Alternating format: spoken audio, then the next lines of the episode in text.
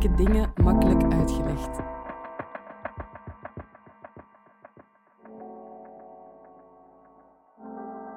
Dit is de podcast van Moeilijke dingen makkelijk uitgelegd. Wie de wereld wilt verbeteren, moet wel begrijpen hoe die werkt.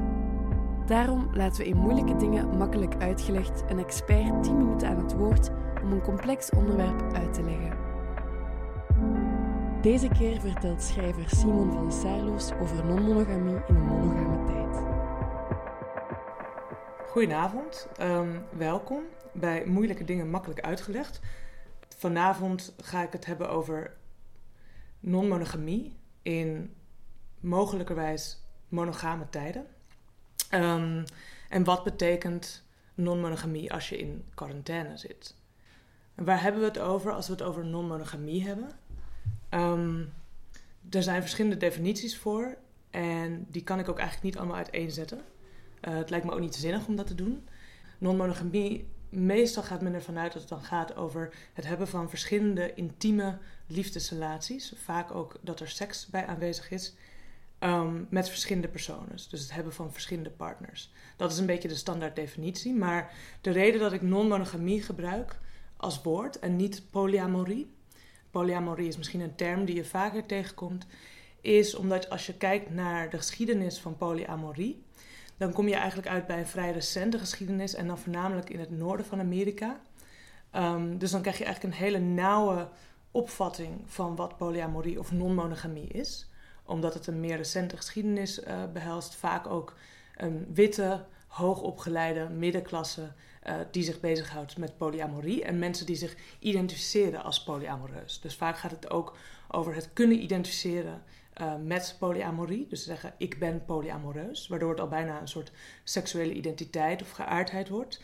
En ik gebruik heel duidelijk non-monogamie, omdat dat verwijst naar alle vormen van intimiteit die niet monogaam zijn. En um, op het moment dat we naar niet-monogame of non-monogame geschiedenis gaan kijken, dan komen we op een veel, ja, een veel diversere verhalen, veel diversere levens uit. Um, en dan valt er ook veel meer onder het kopje non-monogamie. Namelijk ook die mensen die zich misschien niet per se polyamoreus identificeren of die zich überhaupt niet op een bepaalde manier in binariteit of in oppositie met monogamie benoemen. Ik kan bijvoorbeeld aanraden om te lezen The Politics of Passion van Gloria Wekker. En zij doet als antropoloog uh, participerend onderzoek in Suriname. En um, waar de maticultuur uh, wordt gepraktiseerd. En daar gaat het dus ook niet over het benoemen van ik ben zo. Of het stellen dat je een bepaalde identiteit hebt. Of het stellen van een identiteit rondom het zien van verschillende mensen. Maar is het veel meer een beleving daarvan. Maar je moet het boek vooral lezen. En ik heb heel korte tijd, anders zou ik het heel graag helemaal uit de doeken doen. Een andere is ook Wayward Lives, Beautiful Experiment van Saidia Hartman.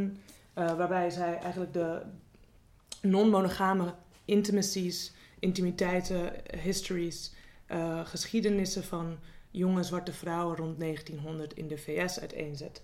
En daarbij zegt ook niemand ik ben polyamoreus, maar gaat het dus echt over een politieke opvatting uh, van de scheiding tussen monogaam en non-monogaam.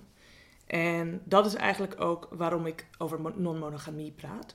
Um, deze explainer, moeilijke dingen makkelijk uitgelegd, is niet een how-to, is niet hoe leef ik nou non-monogaam in monogame tijden, uh, maar is eigenlijk vooral de vraag hoe gebruik ik het gedachtegoed en het praktiseren van non-monogamie om de huidige tijd, de toekomstige tijd en de geschiedenis te bekijken. En hoe gebruik ik het ook als een vorm van verzet? Want we leven in een monogame wereld. Dus toen ik um, zelf de intro schreef op dit praatje, uh, toen zei ik: uh, wat moet je doen met non-monogamie in monogame tijden? Hè? Want we zitten in lockdown, we mogen weinig mensen zien en zeker niet verschillende mensen. Dat is eigenlijk een leugen, want we leven als we in Nederland leven of in België leven, dan leven we eigenlijk altijd in monogame tijden. Uh, want monogamie is, um, is wat wij hier praktiseren. Het zit ook in de wet, als het ware, worden we daartoe aangespoord. En ook in de manier hoe we praten over liefde en hoe we romantiek uh, neerzetten en beleven, uh, zie je dat monogaam en monogamie de standaard is. Ik zou graag kort uit willen leggen uh, of misschien wel langs van dit plaatje, zou ik uit willen leggen hoe monogamie precies bestendigd is. En dat is een incomplete geschiedenis. Dus ik ga er kort doorheen. Um, om dan heel even over nu te hebben. Hè, hoe wordt die monogamie opnieuw bestendigd? En dan het nog korter over verzet te hebben. Hoe kunnen we non-monogamie gebruiken als verzet? Ik denk dat het belangrijk is om te benoemen dat we in een monogame wereld terecht zijn gekomen in het Westen, in het Noordwesten ook, uh, vanuit het uh, christendom, christelijke waarden, die volledig verwikkeld zijn met kolonialiteit en koloniale verovering en een koloniale blik.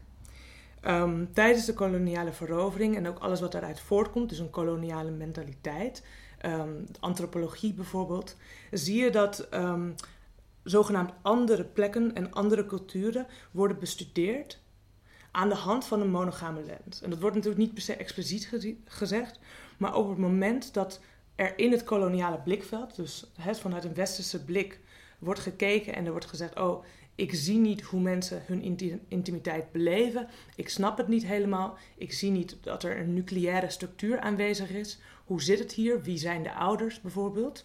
Um, oh, de mensen zien meerdere geliefden. Dan wordt dat gezien als een vorm van onbeschaafd gedrag. Um, en het niet-nucleaire wordt daarin ook gekoppeld aan onbeschaafd gedrag. En ik noem nu twee keer het woord nucleair. En het nucleaire gezin, dat verwijst eigenlijk naar twee ouders, doorgaans heteroseksueel, en cisgender. Dus uh, mensen die zich identificeren met het geslacht dat, ze, dat hen bij de geboorte is toebedeeld. En met 2,1 kinderen. Hè, dat is het nucleaire gezin. Uh, daar worden huizen voor gebouwd. Uh, wetten zijn daarvoor gemaakt. Belastingvoordeel is uh, voor hen beloofd op het moment dat ze trouwen. En dat ze met één iemand trouwen, dat is heel belangrijk. Polygamie is verboden. Het gaat dus heel erg om dat biologische ouders voor hun kinderen zorgen. En dat op het moment dat het chaotischer is, in de blik van het Westen, chaotischer is, een chaotischer structuur is, een die niet zomaar te scheiden is van wat doen die mensen nou eigenlijk, dan wordt het als uh, irrationeel neergezet, onlogisch en onbeschaafd. En dan zie je ook dat in die markering een, hiërarchie ontstaat, uiteraard, want uh, tegenover onbeschaafd staat het natuurlijk beschaafd. Want daar zit ook het binaire denken in. Hè? Je hebt niet alleen maar onbeschaafd, het staat altijd tegenover iets. En in dit geval is dat de beschaving die dan in het Westen zou worden beleefd.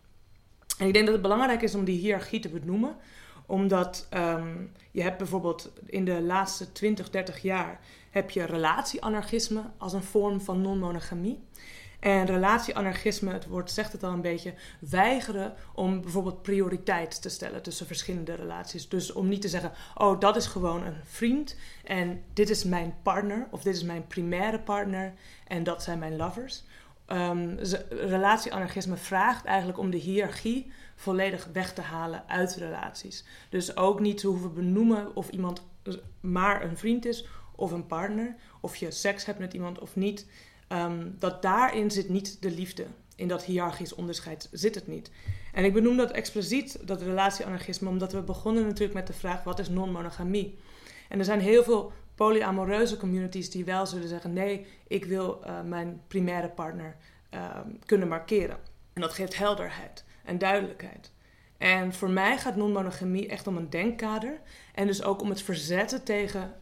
Waarmee ik niet bedoel een denkkader, bedoel ik niet dat het niet ook een beleving is en een belichaamde vorm van zijn. En het in de wereld staan en de taal die je gebruikt en hoe je anderen benadert en met elkaar leeft.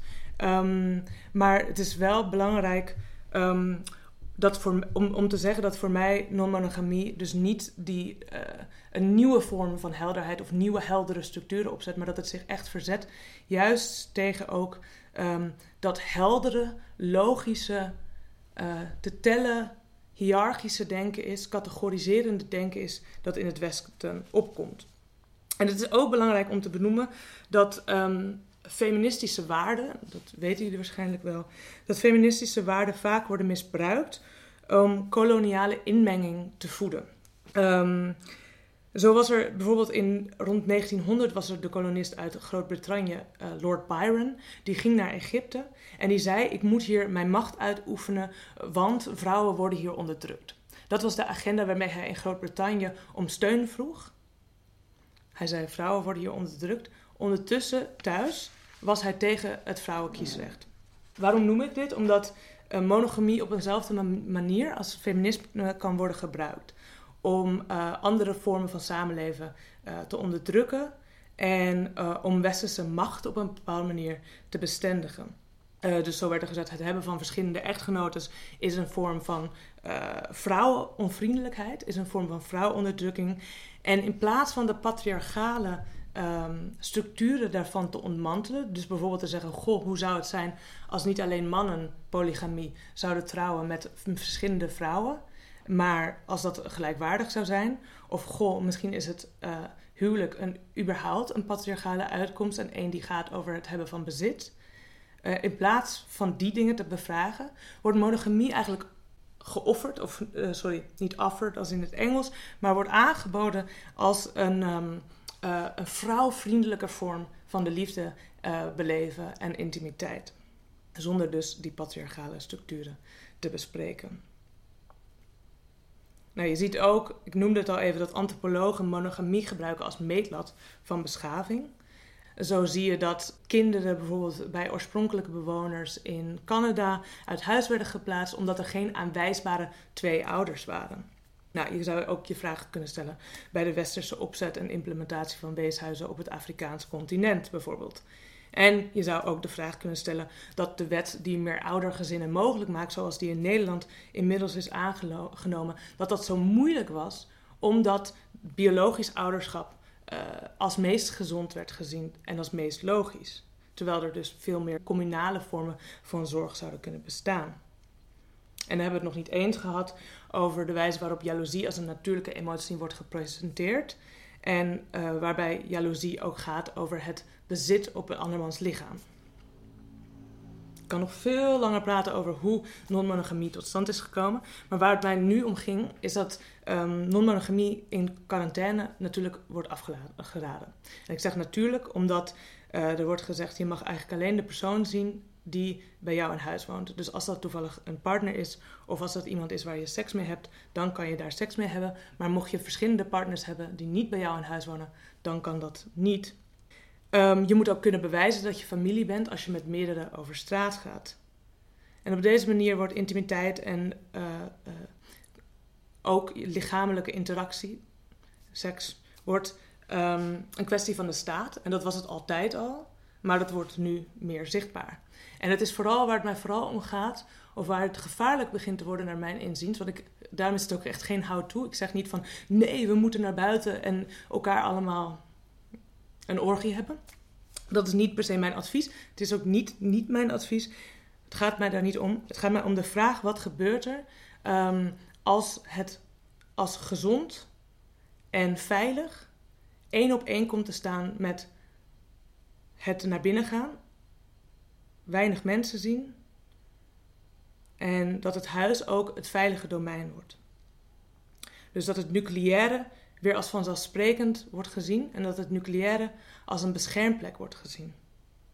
Als een vorm om je te beschermen tegen, in dit geval, COVID-19. En je ziet daarbij dat de discriminatie op mensen die niet nucleair wonen, bijvoorbeeld mensen die geen huisvesting hebben of vluchtelingen uh, die in instituten zitten daarvoor, of detentie zelfs, dat die eigenlijk direct als onveilig worden gezien. ik denk dat het heel belangrijk is om het daarover te hebben. En um, dat ook de vraag vervolgens is, en dat is dan het, de vraag van verzet, kunnen we naar,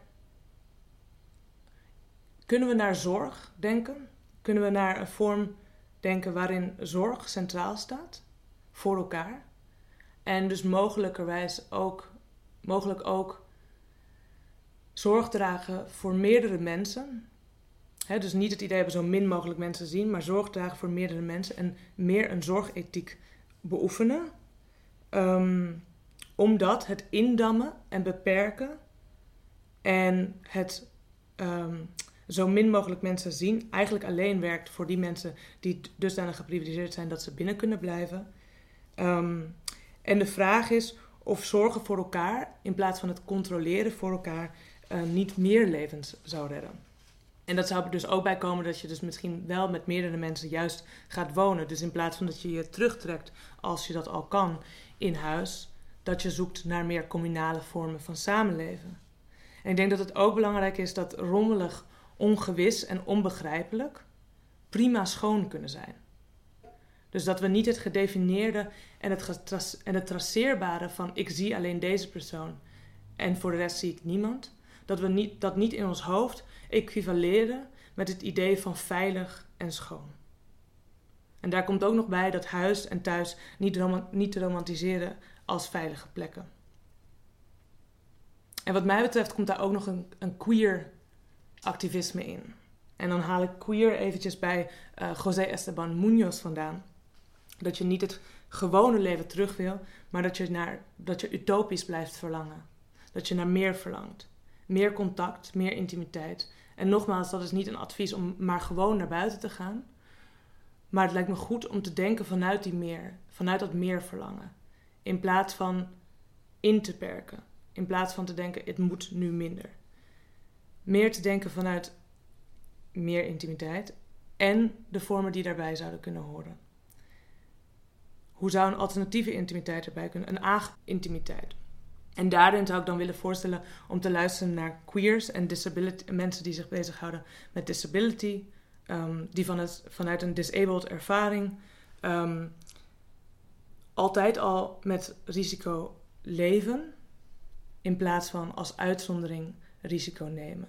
En dat zou misschien dan uh, mijn enige advies van vanavond zijn, is dat we leren en luisteren naar de mensen die geen risico nemen als uitzondering, maar dat we uh, luisteren naar hen die dagelijks met risico leven.